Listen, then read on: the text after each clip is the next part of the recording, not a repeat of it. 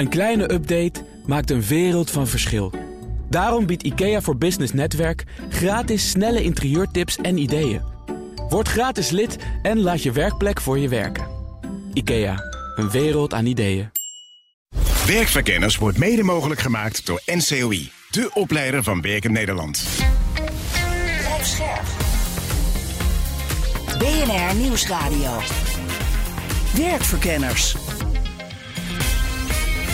Rens de Jong. In deze BNR Werkverkenners een asielzoeker en werkgevers die vertellen wat het betekent dat asielzoekers vanaf nu langer dan 24 weken per jaar mogen werken. Een vacature bij het Leger des Heils en in de carrièrekantelaar hoor je hoe een smartphoneverslaving zorgde voor een kantelpunt. Dat allemaal zometeen, maar nu eerst het BNR Werkverkenners nieuws. Werkverkenners. Met Nelleke van der Heijden. Dag Nelleke. Dag Rens. De loonkloof tussen mannen en vrouwen, hebben het er best vaak over, schijnt toch aan het verdwijnen te zijn. Ja, daar moet ik wel eerlijk in zijn, want we hebben het inderdaad vaker over gehad. En dan is de toon toch eigenlijk wel vaak dat het maar niet opschiet met het dichten van die kloof. Maar er blijkt nu toch schot in te zitten, maar Mhm. wel alleen voor de jongere medewerkers en de ZZP'ers. Vertel. Dus als je bij mensen kijkt tussen de 25 en de 34 is de kloof nu 1,3 procent. Maar voor mensen tussen de 55 en de 64 zit het nog steeds tegen de 20 procent aan. Ah. En voor onze leeftijdscategorie, zonder daar al te veel over te zeggen, bijna 18 procent. Ja, Maar ja, wij zijn dus dan weer ZZP'ers. Dus voor ons geldt eigenlijk een verschil van 0,1 procent. Ah, oké. En als we nou kijken naar de overheid versus het bedrijfsleven, zie je Ja. daar nog grote verschillen? Dan zie je wel grote verschillen. De overheid blijkt behoorlijk wat beter bezig te zijn. Het gaat hier ook net over de cijfers van het CBS over 2022. Toen lag het uurloon van vrouwen in het bedrijfsleven 16,4 procent onder dat van mannen. En bij de overheid is dat maar 5,1 procent. En het tempo waarmee de overheid de kloof aan het dichten is, ligt ook nog eens veel hoger dan in het bedrijfsleven. Ja. Dan, weer eens even een verhaal over de impact van AI op de arbeidsmarkt. Ja, het werd hoog tijd. Het was zeker Zeker. alweer een week geleden, denk ik. Nee, de reden waarom ik het nu eh, wil doen... is ik zag in het FD een econoom... die heeft het erover dat dit nu vooral de hoger opgeleide gaat raken. Gaat om Anna Salomons. Na de agrarische en de industriële en de computerrevolutie... zitten we nu aan de vierde economische revolutie... En die eerdere revoluties die raakten vooral de praktisch geschoolden en misschien bij de digitaliseren ook wel de middengroep. Maar nu met eh, kunstmatige intelligentie worden vooral de kenniswerkers geraakt. En dat zit hem erin dat AI ook flexibeler en creatiever kan zijn. Dus die kan eigenlijk veel meer dan toen we met computers Ja, gingen werken. toen, toen we met software gingen We werken. moesten ja. nog heel erg duidelijk met regels Ja. aan het werk zetten. En, en aan wat voor beroepen denkt ze dan vooral? Nou ja, eigenlijk waar we het nu ook al wel voor gebruiken, bijvoorbeeld vertalers en grafische ontwerpers, daar zie je het ook nu al gebeuren. En daar verwacht zij ook wel dat de vraag naar menselijke inbreng een stuk minder zal worden. Maar om het toch nog een beetje een positief eh, einde te geven, ze denkt wel dat banen vooral gaan veranderen en niet zozeer verdwijnen. En daar heeft ze nog een mooi voorbeeld bij. De administratieve medewerker die in 1950 nog allerlei memo's zat uit te tikken, die is nu agendas aan het beheren en die organiseert events. Ja. Dan, eh, veel integriteitsschendingen worden niet gemeld. Nee, pestgedrag en privacy schendingen die worden heel vaak niet gemeld. Dat zegt KPMG. 39% van de beroepsbevolking maakt het mee, maar daarvan doet dus nog maar de helft een melding. Oh. Pestgedrag en, eh, en vijandige werksfeer, dat leidt dan op een of andere manier wel vaak tot melding. En eh, KPMG-onderzoeker Paul Hulshoff, die, die ziet ook wel dat eh, aandacht voor MeToo en grensoverschrijdend gedrag, dat dat wel helpt om ongewenst gedrag wat eerder te gaan melden. Maar er is dus ook een serieuze groep die dat nog niet doet. En daarover zegt Hulshoff, zij zijn bang voor de negatieve reactie. Het gaat niet alleen over die van de baas, maar ook van collega's. Maar je wil geen zeikert zijn of een bedweter of een deuger. Oh ja. En dat het melden en dat bespreken moeizaam gaat, dat merkte ook advocatenkantoor Baker McKenzie. Hè? Ja, het arbeidsrechtteam, daar krijgt ook heel vaak nog meldingen van werkgevers die ook niet zo goed weten wat ze ermee aan moeten en wat de gevolgen ervan zijn en hoe ze het moeten aanpakken. En daarom hebben zij nu een soort kaartspel ontwikkeld. En dat moet het dan heel makkelijk gaan maken om het gesprek erover te voeren. Nou, misschien wel leuk om de voorvrouw van dat arbeidsteam eventjes te bellen, Mirjam de Bleekoer. Dat zullen we doen. Meer, ben je daar? Ik ben er. Zeg de Complaints Challenge, want zo heet dit kaartspel, begrijp ik. Wat is dat precies? Nou, het ziet eruit als een kaartspel. En op de, we hebben iets van eh, de afgelopen vijf jaar hebben we de meeste uitspraken samengevat, juridische uitspraken, op die kaarten. Dus op elke kaart staat een casus Ja. die waar gebeurd is. En dan op de achterkant staat het antwoord. Dus, dus hoe het spel is bedacht. Je trekt een kaart, je bespreekt de casus en dan zeg je tegen eh, de mensen met wie je het kaartspel speelt. Wat denk je dat de rechter in dit geval zal doen? Ah. Eh, wordt de man of vrouw op staande voet ontslagen? Krijgt hij een vergoeding? Moet er eerst nog mediation plaatsvinden? Nou, dat soort dingen. Oh. Maak je dus bekend met het onderwerp. Ja, en, en, en wat is dan de bedoeling dat je dit met je collega's gaat spelen? Ja, eigenlijk wel, ja. Dat de directie of HR dat opneemt en zegt... nou, dat gaan we met elkaar spelen.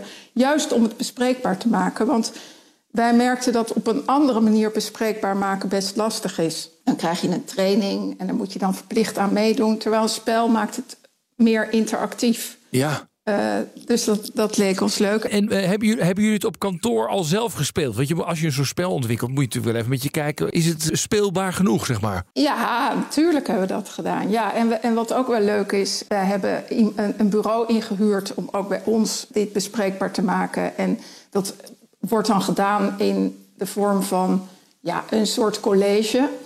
En eh, die vrouw die, die zag dat spel en die zei: hey, zullen we dat zelf ook gebruiken op kantoor? Toen zei ik: Ja, lijkt me een goed idee. Een goed idee. Zeg, eh, kun jij misschien één voorbeeld van een casus even op, van het kaartje kunnen lezen? Oké, nou, er vindt een incident plaats waarbij een werknemer die een le- leidinggevende functie heeft tegen een collega zegt: Wat ben je toch een trut en een hoer? En met offertes gooit. Oh. Nou, en dan komt er nog natuurlijk meer, meer op het verhaaltje, maar ik kort het even in voor dit radioprogramma. En dan, wat zouden jullie denken? Mag deze werknemer op staande voet worden ontslagen? Oh, even kijken hoor. Dus echt uitschelden met offertes gooien. Nee, ik denk het niet. Ja. Nelle, Nelleke, denk jij, denk jij van wel? Ik denk het wel. Nee. Het is een hele dreigende situatie. Oh ja. Ja, maar het is alleen schelden. Oké. Nou, Mirjam, zeg maar. Zo, zo kunnen we nog uren over. Maar de kantonrechter vond dat de werknemer ten onrechte op staande voet was ontslagen. Maar het Hof oordeelt anders. Vindt het een terecht ontslag op staande voet. Kijk, dus jullie hebben allebei een beetje gelijk. Ja, ja, ja. En wat ook leuk, er staat de uitleg staat er nog bij. En er staat ook de vindplaats van deze uitspraak staat ook op het kaartje. Dus als je geïnteresseerd bent om alle ins en outs van deze casus te lezen, dan kan dat ook nog. En, en vandaag is het is het. aangeboden, eh, begrijp ik, aan Mariette Hamer, hè? Klopt. Vandaag is het aangeboden aan Mariette Hamer, omdat zij regeringscommissaris is, grensoverschrijdend gedrag. En dat vonden wij passend. Ja. En ook omdat zij ook heel vaak benadrukt dat juist het starten van zo'n conversatie zo moeilijk is voor heel veel bedrijven. ja. Mirjam, dankjewel. Dankjewel. Rens de Jong.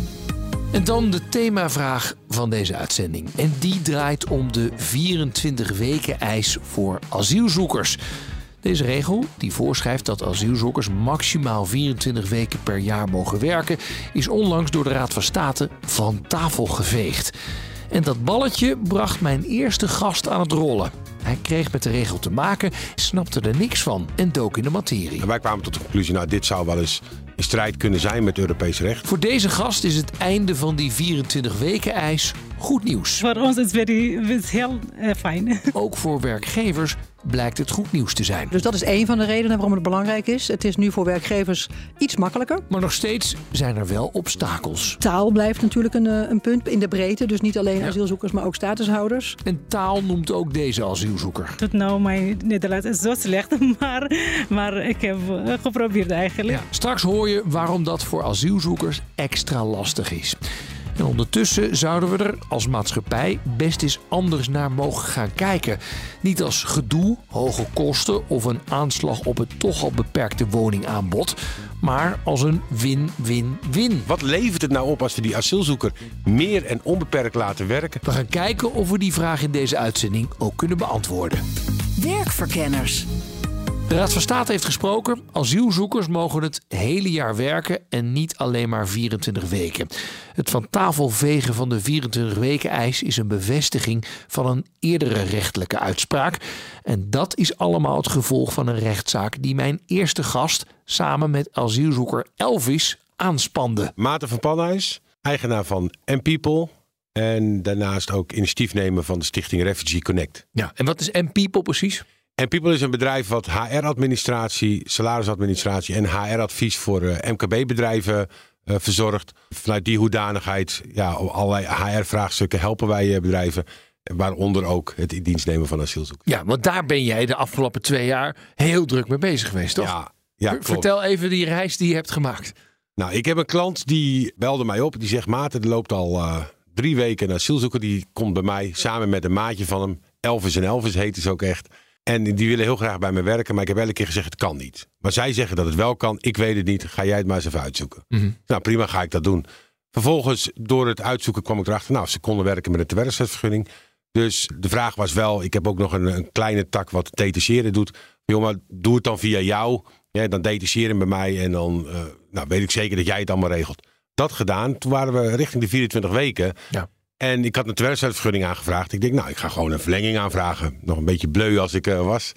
En ik vroeg hem aan, hij werd afgewezen, want hij had maximaal 24 weken gewerkt. En toen dacht ik, dat vind ik raar. Ik heb een werknemer die heel graag wil werken. Ik heb een werkgever die heel graag een werknemer eh, in dienst wil nemen. En de regelgeving verhindert dat. Vervolgens ben ik daar eens ingedoken. Toen kwam ik op een rapport van Pels Rijken, de landsadvocaat. Die al aangaf aan de minister. Ja, misschien, Koolmees was dat toen nog. Misschien is het wel een strijd met Europese opvangrichtlijnen. Ja, ja. Nou, en daar ben ik in vast gaan bijten. En uiteindelijk een advocaat eh, erbij gehaald eh, die ik kende. En gezegd van joh, maar klopt dit eigenlijk wel? Ja, en wat ben je toen gaan doen? Nou, wat we gedaan hebben is, eh, eigenlijk moet je dan opnieuw de procedure, je gaat een werkstadsvergunning aanvragen, die wordt afgewezen, je gaat in beroep.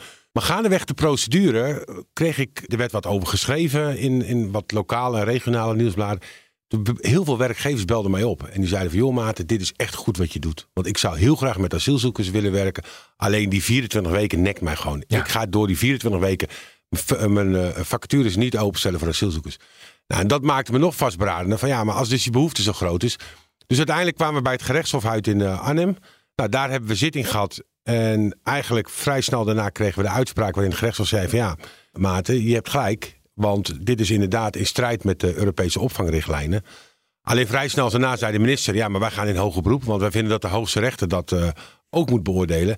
Toen moesten wij een verweer schrijven waarom eh, wij vinden dat de rechtelijke uitspraak eh, zou blijven staan. Toen kwam de Raad van State na wat vertraging Ja. met de uitspraak. Ja, afgelopen woensdag. Ik zie je glimlachen. Ja, nou, het, het, wat je doet is, je gaat, ik ga mezelf wat reserveringen inbouwen. Zo van, als het dan tegenvalt, dan is de klap minder hard. Maar ik had er wel heel veel vertrouwen in. Alleen het bijzondere is ook, je krijgt niet de, de, de uitspraak vooraf. Dus net als alle andere Nederlanders moest ik gewoon via de website elke keer op de refresh-knop drukken. Van nou, wanneer blijft die uitspraak? Dus toen kwam die uitspraak en toen dacht ik van oké, dit is heel uitgebreid gemotiveerd. Ik moet naar onderen toe, want ik moet de definitieve. Dus die had ik net gelezen en toen ging de telefoon al.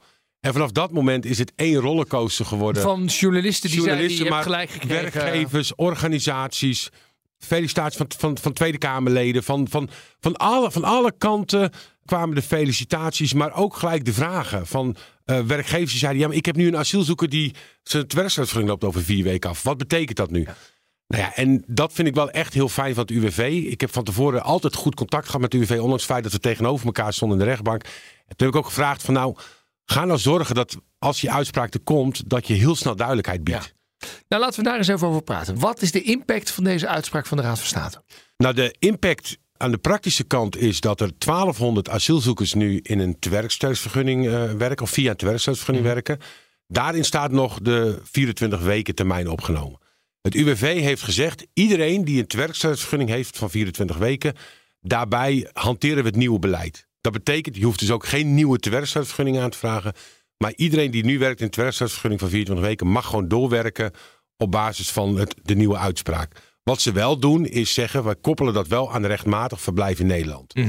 Dat betekent dat asielzoekers hebben een zogenaamd W-document, een identiteitsdocument, die loopt steeds af. Dus ze moeten wel zorgen dat hun W-document steeds opnieuw doorgezet wordt. Dus als je afgewezen bent, hè, als je procedure is afgewezen en en je, en je moet dus weer terug, dan vervalt Vervalt- ook het recht om te werken. Ja, vervalt ook het recht om te werken. En ook geen rechten op enige uitkering. Want dat is een hele discussie die politiek gebruikt.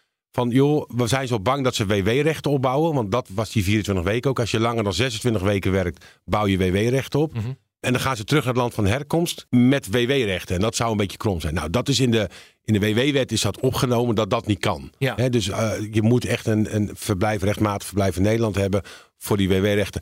Overigens, klein bruggetje wat wel heel eh, krom is, en dat gaf ik ook aan in, mijn- in de zitting van de Raad van State, is dat het als, door de politiek wordt als argument gebruikt. We willen niet dat ze WW-recht opbouwen. Maar als werkgever betaal je wel WW-premies af over een eh, asielzoeker. Ja. dus dat is natuurlijk een beetje krom. Maar goed, dat is dan een extraatje voor de, voor de staat, eh, zullen we maar zeggen. Maar dus die hele groep van 1200 mag dus gewoon blijven doorwerken. Eh, daarnaast iedereen die nu in de aanvraag zat en afgewezen is omdat ze al binnen de, hè, dus binnen de 28 weken termijn vielen, dus te kort uit het werk waren, die mogen nu ook per direct werken. En daarnaast, en dat is een veel grotere impact, is dat enorm veel werkgevers hun vacatures nu open gaan zetten voor asielzoekers. Ja, ja. Nu hebben ze eh, de Dat, zie- dat zie je nu al gebeuren? ja, die reacties krijg ik nu aan alle kanten. Ja, en ik heb ook daadwerkelijk hè, in de korte tijd, eh, eh, want voor die tijd al hebben heel veel werkgevers mij benaderd. Die hebben gezegd van, maten, op het moment dat die 24 weken eraf gaat, dan wil ik asielzoekers eh, een kans geven. En met de uitspraak was mijn volgende gast onmiddellijk heel erg geholpen. Ik heet Shiro, ik kom uit Noord-Irak. Eh, ik ben vijf jaar en twee maanden in Nederland. Eh, en ik was in mijn land verpleegkundige. Eh, ik heb eh, 17 jaar zo als verpleegkundige in mijn land werken. En eh, nu ik begin met dat werk in de Bartholomeus gasthuis. Ja, het Bartholomeus gasthuis. Eh, Waar is dat eigenlijk? In de Utrecht. Oh ja. En jij bent vijf jaar geleden naar Nederland gekomen. Vijf jaar en twee maanden. Ja. En je bent nog geen statushouder. Ze zijn nog steeds aan het nadenken of jij mag blijven, als ik het zo begrijp. Eigenlijk eh, nog steeds, ik weet het niet. Eh, ik kan verblijfsvergunning krijgen of niet. Ja. En waar woon je nu? In de AZC Zeist. En heb je enig idee wanneer je wel hoort of je eh, hier mag blijven, of je statushouder wordt? Eigenlijk eh, nog steeds, ik eh, weet het niet. En twee jaar geleden, hoger beroep geeft me positief, maar nog, ik weet het niet. Het is nog niet duidelijk. Nee. Nee. Kun jij iets vertellen over wat je nu doet in de Bartholomeus verzorgingshuis? In de Bartholomeus gasthuis zoals eh huisdames werken. En daar wij zijn ontbijt klaarmaken voor de bewoner in daar. En daarna hun kameren schoonmaken. Hmm, Want dit is een eh verzorgingstehuis, hè? dus oudere mensen wonen daar. Ja, en daar de oudere mensen en zieke mensen ook in daar wonen. Ja. En jij doet het ontbijt en schoonmaken van de kamers. Ja. Ja. En daarvoor geen werk. Eigenlijk daarvoor, ik heb geen werk, maar bijna acht maanden zoals eh, vrijwilligerswerk gedaan. Oh ja. En de, met zijn alleen één dag per week met zijn Oh ja. eh, gewerkt. En eh, daarna met twee maanden met andere, andere orga- organisatie, eh, zoals huisdames ook in daar vrijwilligerswerk gewerkt. In eh, Zoetermeer, deze Ah ja. organisatie. Ja. Nu heeft eh, de Raad van State, de rechter, heeft gezegd... asielzoekers mogen langer dan 24 weken werken. Ja. Eh, ik zie een grote glimlach. Ja. Waarom is het heel fijn voor jullie? Vertel. Eigenlijk zes maanden is heel weinig voor ons werken. En daarna, na zes maanden, moeten wij zijn in de AZC nog een keer blijven en niks doen. Het is heel vervelend voor ons eigenlijk. Ik heb in mijn land 17 jaar zo alles verpleegkundig gewerkt. Ik mm, kan niet in de AZC blijven en niks doen. Het is Nee. heel vervelend voor Nee, voor het is, ons. gewoon, het is gewoon heel erg vervelend. Ja. Je verveelt je gewoon in het ja, AZC. Ja, klopt. Ja. En je mag dan niet werken. En je denkt, ja, Ja. Wachten. Ja, alleen wachten. En eigenlijk één dag, twee dagen, drie dagen is heel moeilijk voor ons. ja. Heb je meteen met je werkgever gesproken toen die 24 weken eraf ging?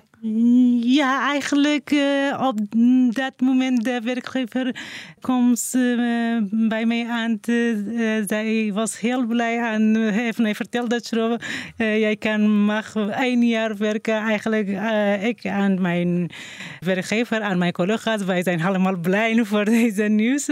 Maar eh, zij heeft mij verteld, alleen één jaar jij mag werken en daarna moet nog een keer werkvergunning vragen. Ja. Nou heb jij als verpleegkundige gewerkt in Noord-Irak. Ja. Ja, daar heb je ook die diploma's voor, toch? Ja, ik heb eh, niveau 2 van de HBO. Ik heb mijn certificaat gewaardeerd. Ik heb niveau 2 van de HBO. Niveau 2 van het HBO. En dat betekent dat je nog, eigenlijk nog twee jaar HBO Ja. zou moeten doen. Klopt, ja. Ja. Ga je dat nu ook doen? Eigenlijk, ik, mm, ik wil graag twee jaren ge- eh, gestudeerd nemen. Maar nu, ik heb geen verblijfsvergunning. Ik mag niet studeren. Oh ja. Dan moet ik wachten tot ik verblijfsvergunning krijg. Ja. Maar je mag wel werken, maar nog niet gaan studeren, dus begrijp ik. Ja, maar niet zo als verpleegkundige ook werken. Nee, Ja. nee, nee. Dus het is, het is, je zit wel in de buurt van verpleegkundigen, maar het is vooral schoonmaken en Ja. eh, e- eten klaarmaken. Ja, ja. Stel je voor je mag blijven in Nederland. Ga je dan wel die opleiding nog doen? Ja, zeker eigenlijk. Ik wil graag eh, studeren. En mijn laatste gast ziet ook hoe de uitspraak werkgevers meteen helpt. En behalve asielzoekers ook statushouders. Ik ben Wilma Rozenboom, directeur van de Refugee Talent Hub. En wat doen jullie precies? We zijn een werkgeversinitiatief en wij organiseren activiteiten met werkgevers, met name de wat grotere werkgevers in Nederland, om vluchtelingen dichter bij werk te brengen. Ja, jullie werken vooral met statushouders. Hè. Die mogen gewoon al werken. Statushouders mogen blijven in Nederland. We hebben het hier over die 24 weken eis die nu komt te vervallen. Kun jij kort aangeven hoe belangrijk dit is? Nou, dat is enorm belangrijk. Wij werken inderdaad over het algemeen met statushouders, maar zeker ook met asielzoekers. En wat je ziet is dat het voor werkgevers. Er was een hoge drempel om aan de slag te gaan met asielzoekers. Er zijn iets minder drempels om eh, asielzoekers aan het werk te laten gaan. Maar belangrijker natuurlijk, het is voor asielzoekers ontzettend belangrijk. Ja. Want werk is belangrijk. Want kun jij dat uitleggen? Ik, ik had net Schro in de uitzending en die zegt: Ja, ik zit al vijf jaar in een AZC, wat een ongelooflijk lange tijd is, wat mij betreft. Acht maanden gewerkt en daarvoor gewoon ja, in het AZC gezeten. eh, af en toe één dag in de week vrijwilligers werken. That's it. Ja, dat horen we veel. En dat is gekmakend natuurlijk. Ga je zelf maar naar. Het is natuurlijk echt, eh, eh, mensen willen iets doen. Ja. En dat geldt voor jou en mij en dat geldt ook voor asielzoekers. Mhm. Dus de uitspraak die nu eh, gedaan is en het feit dat deze 24 weken regel van tafel gaat, dat maakt dat, dat mensen sneller aan het werk kunnen. Langer aan het werk kunnen vooral. Niet per se sneller, maar langer aan het werk kunnen blijven. En dat is belangrijk. Mensen willen werken, mensen willen erbij horen. Werk betekent ritme in je dag, betekent zingeving, betekent erbij horen, eh, bijdrage leveren aan de maatschappij. En jezelf weer nuttig voelen. Dus dat is gewoon ontzettend belangrijk voor mensen. En even voor mij, die werkgevers, want die spreek jij dus veel. Was dit dan inderdaad echt de grootste drempel? Dat je denkt, ja, na 24 weken inwerken, een halfjaartje, dan moet iemand alweer weg. Dan heb ik er niet zoveel aan. Het is zeker een van de drempels. Ja. Ik denk dat de grootste drempel is überhaupt de onbekendheid van werkgevers. Oké. Onbekendheid met het feit dat statushouders mogen werken. Dat is er al één. Maar ook dat asielzoekers mogen werken. En die werkgevers die daar dan wat dieper induiken, die stuiten dan op het feit dat mensen na 24 weken er weer uit moesten. En dat is zeker een drempel, want je moet mensen inwerken tegen de tijd dat ze net een beetje up and running zijn. Gaan ze weer weg en mogen ze 28 weken weer, eh, weer niks doen. Dat is natuurlijk voor alle partijen super frustrerend. Ja. Echt op hun eigen niveau werken, dat gaat natuurlijk nog niet gebeuren, toch? Soms wel, soms niet. Maar vaak begin je niet meteen op je eigen niveau. Nee. Ook daar weer ga je zelf maar naar. Als jij nu naar Afghanistan zou gaan, zou het heel ingewikkeld worden om radiopresentator te worden. Ehm, ja, misschien een Nederlandstalige zender, maar ik denk dat die er niet zoveel meer zijn. wellicht wat ingewikkeld. Ja. Dus ik denk dat dat. Je begint eigenlijk altijd inderdaad een paar, eh, paar niveaus onder het vakgebied wat je in je land van, eh, van herkomst uitoefende. Maar je kan daarna weer opklimmen. En naarmate je sneller aan het werk gaat en dus minder lang stilstaat, heb je ook een grotere kans dat je weer op je oude niveau terug kan komen. Ja. Betekent dit ook iets voor statushouders? Mensen die dus al hier wel mogen blijven werken? Ja, in die zin dat elke statushouder eh, voorheen een asielzoeker was. Dus wat dit doet is eh, dat mensen sneller, meer eh, en langer aan het werk kunnen blijven. Sneller in de zin van de drempel voor werkgevers is lager. Dus er zullen waarschijnlijk meer mensen al vanuit de asielprocedure aan het werk gaan. En langer omdat ze na 24 weken aan het werk mogen blijven. Ik verwacht dus dat, het, dat er ook meer gaan worden. Dat zijn mensen die voor het overgrote deel daarna een verblijfsstatus zullen krijgen. En die dan dus al werkervaring hebben opgedaan. En uit allerlei onderzoeken blijkt dat werk belangrijk is om je plek te vinden in Nederland. Het is een hele snelle manier om te integreren. Je leert de Nederlandse cultuur kennen. Je praat met mensen. Je leert ontzettend veel sneller de taal als je aan het werk bent. Dus op allerlei fronten helpt het om sneller je weg te vinden. Ja. En dat is dus ook als je daarna een status hebt, ben je al een eindje op weg. Ja, dus je komt niet meer in de pauzestand of nauwelijks meer in de pauzestand te staan. Je gaat meteen al proberen te integreren, zeg maar. Dat is natuurlijk dat is in de ideale situatie waarin asielzoekers ook eh, aan het werk gaan. Eh, in de praktijk zal dat natuurlijk niet voor alle mensen zo gelden. Want je vroeg net even naar: is dit het grootste obstakel? Het is denk ik het grootste obstakel wat nu uit de weg is geruimd. Maar je moet nog steeds als werkgever een tewerkstellingsvergunning aanvragen voor asielzoekers die aan de slag gaan. En je moet nog steeds het een en ander regelen voor asielzoekers. Dus het is niet dat alle obstakels nu uit de weg zijn, eh, zijn geruimd. Maar het is in ieder geval makkelijker, zeker. Ja. Even de politieke context. We weten natuurlijk allemaal hoe er gestemd is de afgelopen tijd. Er is toch de grootste partij van Nederland is geworden met eh, die zeggen er moet een totale asielstop komen. Ben je er bang voor dat er nu, nou de rechter heeft dit besloten, maar ja, er kan zomaar een regering komen die zegt, nou we moeten er toch maar eens een keer even wat duimschroeven aandraaien. Ja, ik denk dat we het wel met z'n allen vrij snel eens kunnen zijn over het feit dat uh, mensen die in Nederland zijn, de kans zouden moeten krijgen om snel mee te doen. Mm Dus ik ben daar niet per se heel bang voor. Ik denk dat dat wel los zal lopen. Omdat die mensen zijn er al, die zitten al in procedure, et cetera, et cetera. Ja, dat ja. is misschien niet het, het, het, focuspunt van de PVV, zeg jij. Ik denk dat uh, van links tot rechts mensen het erover uh, eens kunnen zijn dat uh, mensen die willen werken en die erbij willen horen, mm -hmm. die mee willen doen aan de Nederlandse maatschappij en aan de Nederlandse economie, dat zij de kans moeten krijgen om aan het werk te gaan. Ja. Zou het ook voor kunnen zorgen dat mensen een beter beeld krijgen van asielzoekers als we dus dit meer gaan invoeren? Of is dat wel heel erg hoopvol linkse gedacht van mij? We, weet ik niet of dat linkse gedacht van jou is, maar ik denk zeker dat het helpt in de beeldvorming rondom vluchtelingen in het algemeen, dus asielzoekers en statushouders, dat we nu heel veel horen over mensen die aan het werk willen. Mm -hmm. En nou ja, uh, dat is niet dat de werkelijkheid nu erg veranderd is. Want uh, er waren al ongelooflijk veel mensen die aan het werk wilden. Asielzoekers, statushouders, nou ja, we spreken ze elke dag. Maar het feit dat dat nu meer uitgelicht wordt in de, in de pers vanwege deze 24-weken-regel... is wel ineens een andere headline. Namelijk, mensen willen aan de slag en dat wordt nu gemakkelijker. Nou ja, en ik kan me voorstellen, als je dus uh, zo schro al, al vijf jaar in een asielzoekerscentrum zit... En je daar dus, ja, ik zou me helemaal te pletter vervelen. Ja, daar, daar wordt een mens niet leuker van, terwijl zij er nog heel ja. opgewekt bij zat. Dat doet natuurlijk ook wel iets met het ja. beeld bij zo'n AZC. Ja, mensen mogen niks. Ja, nou ja, ja wat ga je dan doen? Een beetje rondhangen. Zou ik tenminste gaan doen, hè, dan. Uh, dus ik kan me voorstellen dat we, als iedereen er gewoon aan het werk gaat... ja, dat je een heel ander beeld ziet. Ja, ik denk dat dat, uh, ik denk dat, dat zo is. Mensen in stilstand is nooit een goed idee. En het is sowieso interessant dat we in de, in de, Nederlandse maatschappij het allemaal zo hebben ingericht dat iedereen die even uitvalt, uh, krijgt een bedrijfsarts toegewezen. En dan is het idee zo snel mogelijk weer aan het werk. Want stilstand is slecht en je moet vooral in het werkende leven blijven.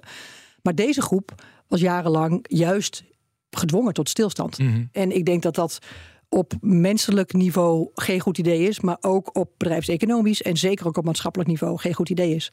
Dus het feit dat we dat nu veranderen, ja. dat lijkt mij goed nieuws.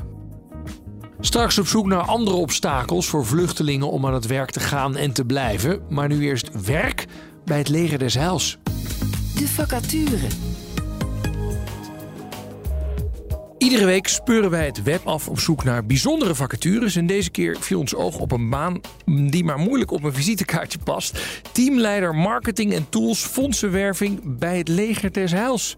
Oké, ja, wat houdt dat dan precies in? Dat ga ik vragen aan Reina Dijksterhuis, manager servicebureau Leger des Heils. Ik heb hier haar 06-nummer. Even kijken of ze er is. Goedemorgen, Leger des Heils met Reina Dijksterhuis. Dag Reina met Rens de Jong van BNR. Goedemorgen. Ik bel voor die vacature. Ja. Teamleider marketing en tools fondsenwerving.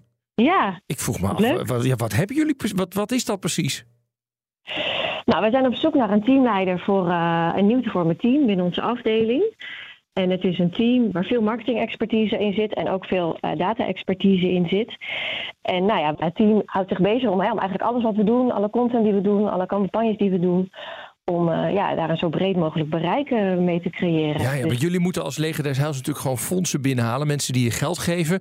En dus, en dus moet daar marketing voor gedaan worden. Zodat Klopt. mensen zeggen, nou, ik maak weer een tientje over. Bijvoorbeeld. Ja, ja. Ja, ah ja, ja. ja. En, want het is marketing en tools. Dat snap Ja. ik niet helemaal. Nou ja, om, om goede marketing te kunnen bedrijven, maak je gebruik van allerlei applicaties, van verschillende tools, van verschillende systemen. We hebben natuurlijk ook een heel groot CRM-systeem waar al onze donateursdatabase in zit. En het is gewoon heel van belang dat je in deze functie gewoon weet hoe die processen zitten, welke tools waarvoor nuttig zijn, hoe je, op, hè, hoe je dat zo goed mogelijk kan optimaliseren. Mhm. Dus daarom vind ik het eigenlijk van belang dat iemand wel gewoon goed kennis heeft van al die tools en ook wel een beetje, nou ja, misschien wel een beetje een IT-achtergrond heeft, maar daarnaast ook weet hoe al die marketingprocessen werken binnen een afdeling fondsenwerving. Dus daarom, ja, dat is de combinatie. En Ja. in het team wat je gaat aansturen, ja, zitten natuurlijk veel specialisten. Ja. en het is, ja, het is aan jou als teamleider van belang dat je al die specialisten in hun kracht zet en goed met elkaar laat samenwerken. Ja. Nou, ik zie je maximaal 36 uur per week, 3500 tot 5200 euro, HBO. Ik zat nog één ding te kijken. Ik denk, oh, een van de eisen is verder ben je christen en kun je aangeven wat dat voor jou betekent. Ja, oh. ja. Nou ja, wij zijn een christelijke organisatie. Hè? Ehm, en uh, ja, dus wij vinden het, ja, onze inspiratie is ons geloof in de Heer Jezus en in God.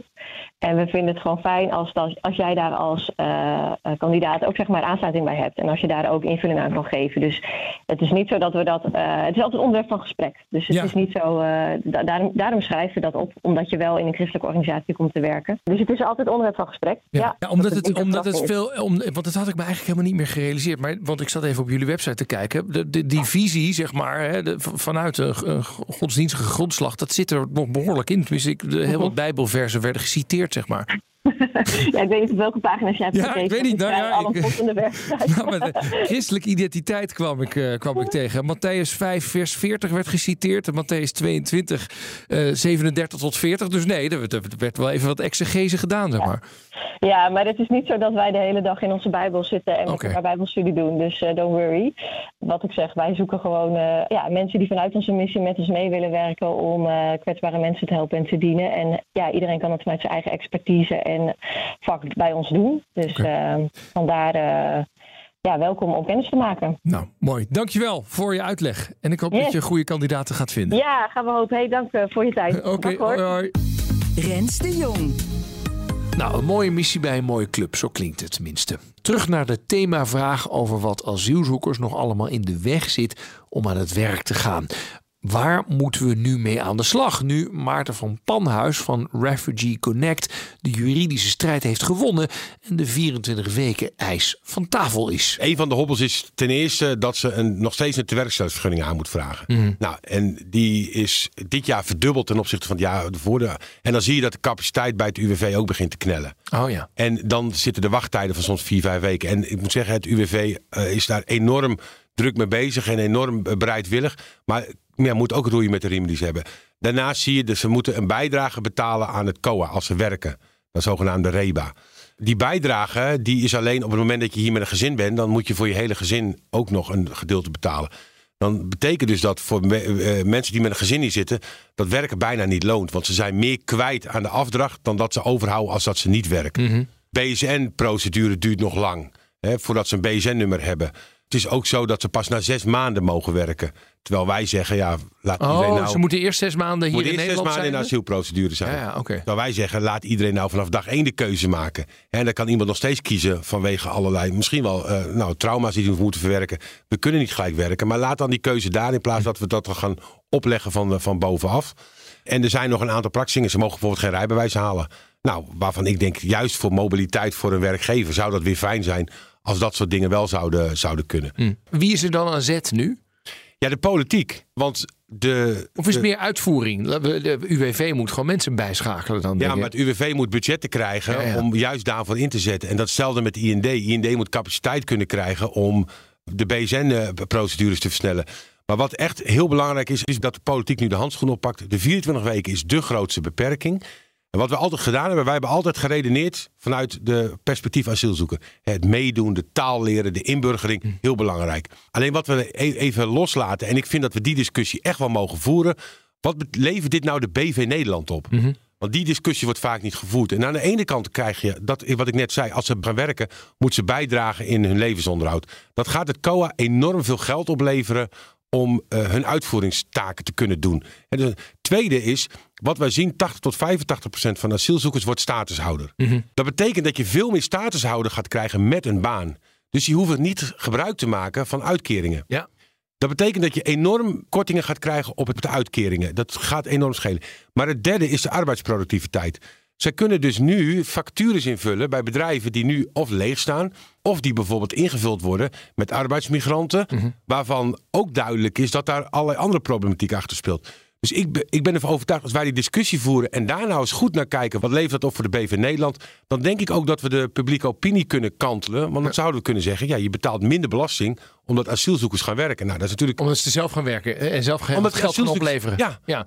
Want dat is inderdaad een vraag die bij mij wel op de lippen brandt. Is op dit moment na de verkiezingsuitslag is er nou, een behoorlijke ruk naar rechts gemaakt. En ook vooral over migratie. Hè? Asielstop.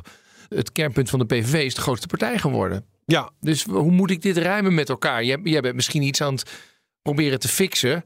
Waar de politiek nu zegt, nou, daar heb ik echt helemaal geen zin meer in. Nee, ja, dus ik, ik ben ervan bewust dat mijn lobby nog harder moet worden en dat ik nog harder moet knokken.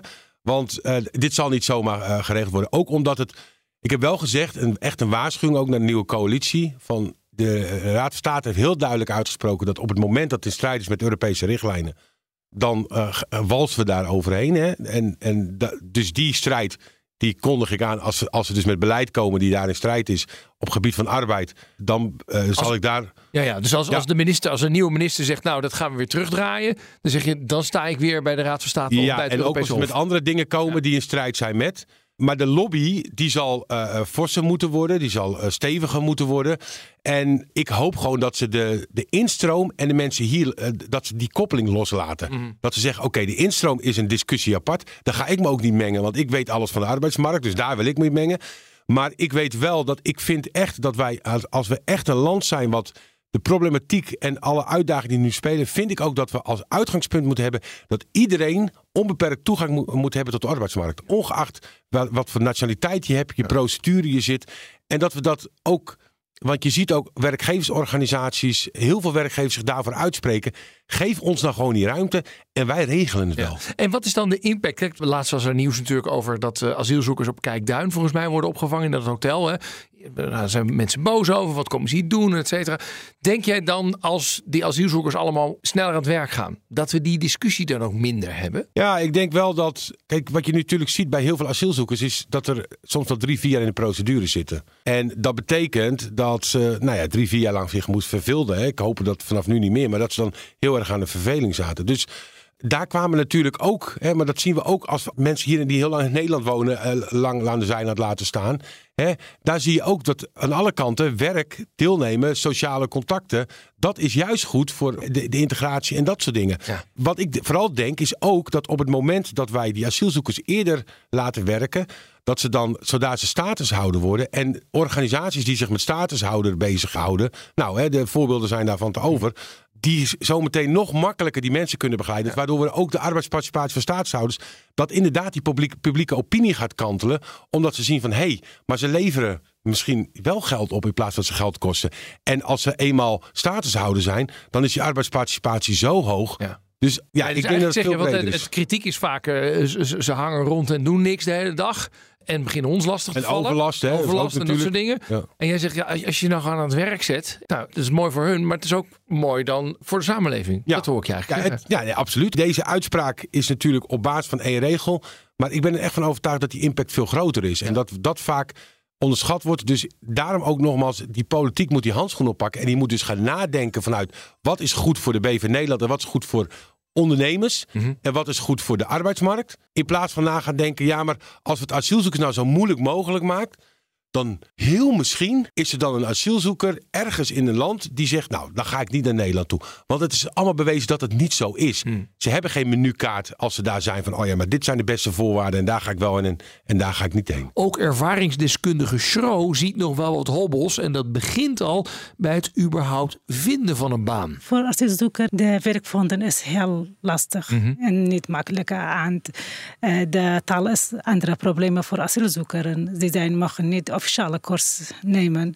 Je Eh, mag nog geen officiële cursus nemen? Nee, nee Ah. e- eigenlijk voor, ik heb eh, in de plekken gevraagd over, over officiële cursussen. Zij zeggen, jij mag niet, jij hebt geen verblijfsvergunning. Jij hebt een weedocument, toen moet jij wachten tot je verblijfsvergunning krijgen. Dat is eigenlijk, zonder verblijfsvergunning neemt mij tijd heel veel eigenlijk. Ja, maar ga je dan wel op het moment, want je zit dus in het AZC, dan begin je al wel een beetje Nederlands te leren, of niet? Probeer je dan wat te leren via YouTube of zo? Eigenlijk, ik heb uh, mijzelf geprobeerd voor de Nederlands leren. Met de YouTube, met de bibliotheek, met de taalcoach. Eigenlijk heel veel geprobeerd. En nu je aan het werk bent, gaat je Nederlands dan beter? Ja, eigenlijk negen, deze negen maanden ik mijn taal is heel verbeteren. En uh, mijn werkgever geeft me de taalkurs in de Volksuniversiteit nu. Mm -hmm. uh, ik begin met de niveau B1 in de Volksuniversiteit met de taalkurs. Ja, je hebt de verkiezingen in Nederland natuurlijk ook wel gevolgd, denk ik. Ja. Denk je dat het lastiger wordt voor jou of niet? Alleen, uh, ik hoor dat dit is lastiger van de asielzoekers. Ja. Uh, maar uh, ik hoop de uh, nieuwe beslissing van de werkasielzoekers is heel belangrijk voor asielzoekers en ook voor Nederland. Dat is goed voor ons. Ja, hey, en de werkgevers, hè, dus de bazen van Nederland. Ja. Wat voor een advies zou je voor hen hebben als ze willen werken met asielzoekers? Jij bedoelt van mijn werkgever? Ja. ja. Uh, eigenlijk mijn werkgever, toen de eerste kwam naar daar aan, ik vraagde de werken, die zijn heel mooi praten met mij en ze zijn heel mooi mij accepteren. De eerste een beetje lastig voor zijn, maar die hebben gezien ik wil werken en ja. ik wil graag werken. En daar, daarom die zijn, hebben mij werk gegeven en supporten mij altijd Ja. met mijn werk. Mooi. Zo voelt zich dus, nu ze eenmaal aan het werk is, heel erg gesteund door haar werkgever, ook in de uitvoering van dat werk. En ook Wilma Rosenboom van Refugee Talent Hub ziet de nodige praktische obstakels, al zijn die nog wel overkomelijk. Meent zij. Specifiek bij asielzoekers heb je sowieso nog te maken met die zes maanden termijn. Dus mensen mogen na zes maanden aan het werk. Mhm. Want de werkstellingsvergunning aanvragen kan je zien als een obstakel. Maar dat, dat valt allemaal wel te overkomen. Maar als je kijkt naar de grootste obstakels die staan tussen vluchtelingen en werk. Ja. Of je nou asielzoeker bent of, uh, of statushouder. Dan gaat dat om de Nederlandse taal. Dat is er één. Netwerk. Dus de juiste mensen kennen om binnen te komen bij, uh, bij bedrijven. En daar ook aan de slag te gaan en te blijven. Mhm. Maar ik denk de allerbelangrijkste, en dat zit veel meer bij werkgevers en ons als samenleving in het algemeen, is anders kijken naar mensen. Dus kijken naar de talenten van asielzoekers, van, van statushouders, dus überhaupt van mensen met een vluchtelingenachtergrond. Hoe kan je gebruik maken van de talenten die mensen hebben en van het simpele feit dat dit professionals zijn die toevallig ergens anders geboren zijn. Ja. En dat je niet alleen kijkt naar het label, dit is een vluchteling, dit is een asielzoeker, dit is een statushouder, maar dat je weggaat van dat dat denken in verschillende stadia van iemands vlucht. Terwijl het enige waar het uiteindelijk om gaat is... dit is een professional die iets te brengen heeft. Ja. En wij willen dat vak en die vaardigheden benutten. Moeten we niet gewoon helemaal af van het zielig vinden... maar gewoon het als een pure economische kans zien? Het zijn twee verschillende dingen, denk ik. Het zou uh, heel goed zijn om af te gaan van het frame van zielig vinden. Maar puur economisch zou ik hem ook niet willen benaderen. Waarom niet? Omdat je, zonder dat je iemand in een zielig frame duwt, wel kan blijven kijken naar wat heeft iemand nodig om goed te kunnen gaan functioneren. En dat kan je economisch noemen, maar ik zou dat wel fijn vinden als dat ook met een soort menselijke bril blijft uh, gebeuren.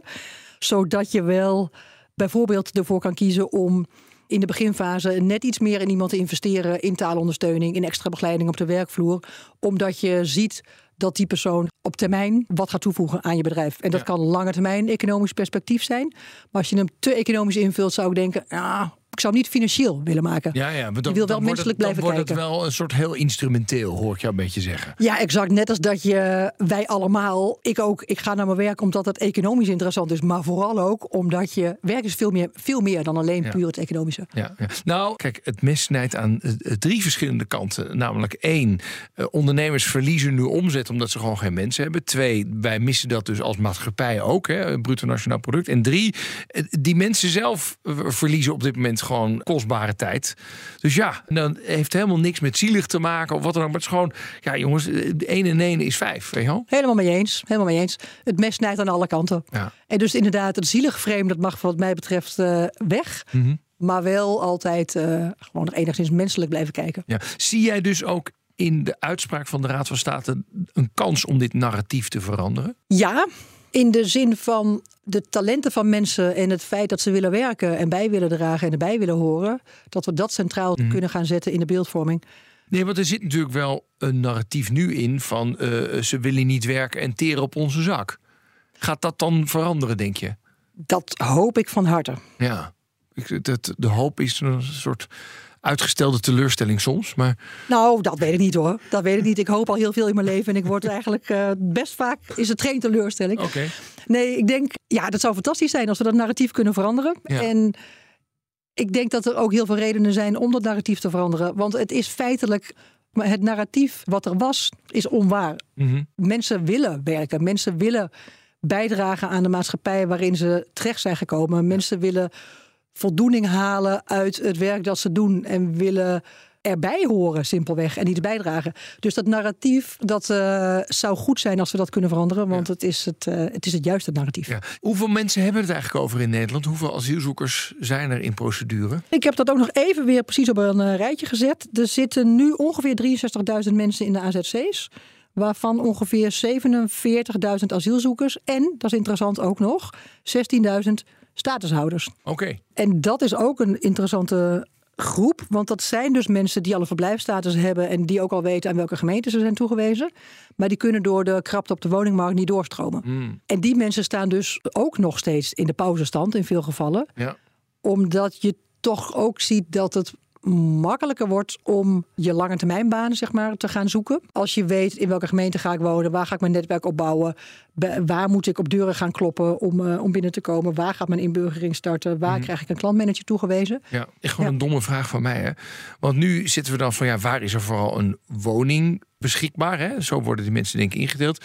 Waarom delen we het niet anders in? Die zeggen ja, maar waar is er nou werk? Dat we daar mensen Ja. eh, in de buurt eh, neerzetten. Of, of is dat een heel domme gedachte waarschijnlijk? Nee hoor, dat is helemaal geen domme gedachte. Nee, hoe het nu werkt is dat statushouders worden verdeeld over het land op basis van inwonertal gewoon. Mhm. Dus er komen er meer naar Amsterdam dan naar Lutjebroek, want Amsterdam wonen gewoon meer mensen. Er wordt al wel in theorie rekening gehouden met dat je, nou het standaardvoorbeeld is dat je een visser niet in de achterhoek neerzet. Ja. En dat je IT'ers bijvoorbeeld wat meer in, in de Randstad of in de regio Eindhoven plaatst. Dat is in de praktijk nog wel vaak lastig. Mhm. Maar er wordt wel naar gekeken of dat zou kunnen. ja. Maar de aantallen worden bepaald door bevolkings, door inwoneraantal. Ja. Ja. Ja. Want je zou kunnen zeggen, ja, kijk, kijk gewoon naar de werkgever waar, de, waar die het meeste mensen nodig heeft. En eh joe, Ja. hier eh, heb ik ze nodig. Ja, wat soms wel eh, het geval is, is dat, en dat is dus ook interessant nu met de eh, asielzoekers die aan de slag kunnen. Als je een eh, intentieverklaring of contract hebt van een werkgever en je woont nog in een AZC, je bent nog niet toegewezen aan een gemeente, dan kan je wel met dat contract of met die intentieverklaring naar het COA en zeggen: Kijk, ik heb nu een baan in, nou ja, X. X, eh, mag ik daarheen uitgeplaatst worden? Ja, ja. Ja, precies. Dus wij hebben dat een keer gehad met Arcadis. Waarbij iemand eh, al aan de slag komt bij een, een leerwerktraject bij, bij Arcadis. Terwijl die nog in zijn procedure zat. En die heeft toen bij het COA aangegeven... mag ik dan uitgeplaatst worden richting Amersfoort of omgeving. En dat is toen gelukt. Goed, de beslissing van de Raad van State dat asielzoekers het hele jaar mogen werken, helpt dus enorm op heel veel fronten. Voor werkgevers zijn gemakkelijker met asielzoekers in zee. De asielzoeker vindt sneller werk, waardoor hij of zij de taal sneller machtig wordt, ritme in de dag krijgt, meedoet, geld verdient en het COA kosten bespaart. En de maatschappij heeft minder overlast van de zich vervelende asielzoekers, minder kosten en er zijn iets meer arbeidskrachten om de vele gaten te vullen. En dat narratief mag best wel wat vaker verteld worden, zeggen mijn gasten. Vluchtelingen zijn mensen met talenten die echt iets kunnen komen brengen. De carrièrekantelaar. Laatste onderdeel van deze uitzending, de carrièrekantelaar. Ja, welke dramatische wending heb jij meegemaakt in je carrière? Welk moment zorgde ervoor dat je compleet iets anders ging doen? En hoe kijk je daar nu op terug? Deze week bellen we even met Jorn Richter. Hij is medeoprichter van Unplug. Dag Jorn. Hi, hi. Wat doen jullie precies? Wat doet Unplug? Wij helpen mensen om van hun smartphone af te komen. Om eh, die tijd te besteden aan dingen die ze belangrijker vinden. Het is natuurlijk best wel een actueel probleem dat je gewoon... eh, ja, smartphone heeft heel veel afleidingen. Hij heeft ook heel veel handige dingen. Dus die balans zoeken is nog best wel lastig. En daar helpen mensen bij. via een app. Via een app. Eh, maar dat staat toch ook gewoon op mijn iPhone? Of eh, werkt dat niet zo? Ja, nee, dat, dat klopt. Er staat iets op je iPhone. Eh, we zijn het begonnen omdat ik zelf alle oplossingen al geprobeerd had. Ik had hier zelf heel veel last van. En eh, ja, die werken toch niet zo goed. Ik weet niet of je de schermtijd-app op je iPhone wel eens geprobeerd hebt. Maar ik hoor eigenlijk constant van mensen dat ze zeggen van ja, ik heb die wel eens aangezet. En dan krijg je een pop-up van eh, deze app is nu geblokkeerd. En dan krijg je letterlijk een berichtje van wil je misschien 10 minuten uitzetten of helemaal uitzetten voor vandaag. Ja. Eh, dus die barrière is voor veel mensen net niet hoog genoeg. Dus dan klik je toch al snel van ja, zet hem toch maar even uit dan. Dus wij, zet, wij helpen mensen om een iets grotere barrière te creëren. Dus eigenlijk een drempel te maken om, om die app toch te gaan gebruiken. En dat dat iets moeilijker is dan één klikje, zeg maar. Ik, ik begrijp dat je zelfs je studie gewoon hebt opgegeven om dit bedrijf te starten. Hoe is dat zo gekomen? Ja, ik studeerde aan de TU Delft. Uh, ik was informatica en industrieel ontwerp aan het doen, dubbele master. En ik had zelf, zoals ik net zei, heel veel last hiervan. En ik merkte dat er, dat er veel meer het bewustzijn begon daarover te komen.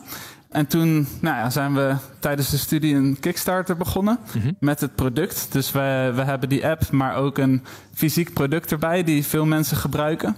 En met dat productje kan je dan bijvoorbeeld, die leg je even in een andere kamer als je aan het werk bent. Of als je uit eten gaat, laat je hem helemaal thuis. En dan zonder dat fysieke productje kun je dan echt niet bij de apps totdat je die weer hebt. Oh ja. En daarmee zijn we toen een Kickstarter begonnen. En ja, die Kickstarter ging eigenlijk heel goed. Verrassend goed, zeg maar. En uh, nou ja, de, we kregen ook best wel wat persaandacht en zo. En toen was het eigenlijk de keuze van, ja, ga ik nu mijn studie afmaken? Dat duurt nog zeker wel twee jaar. Mhm. En laat ik dan deze kans voorbij gaan? Of ja, ga ik hier gewoon fulltime Spring je in mee het de diepe. slag? Ja. En, hoe, lang, hoe, lang geleden Ja, ben je in precies. hoe lang geleden ben je in diepe gesprongen? Uh, dat is inmiddels drie jaar geleden. Oké. En je ouders zeiden niet van, eh, Jorn, maak nou, maak nou die studie af, joh. Een diploma is altijd handig om te hebben.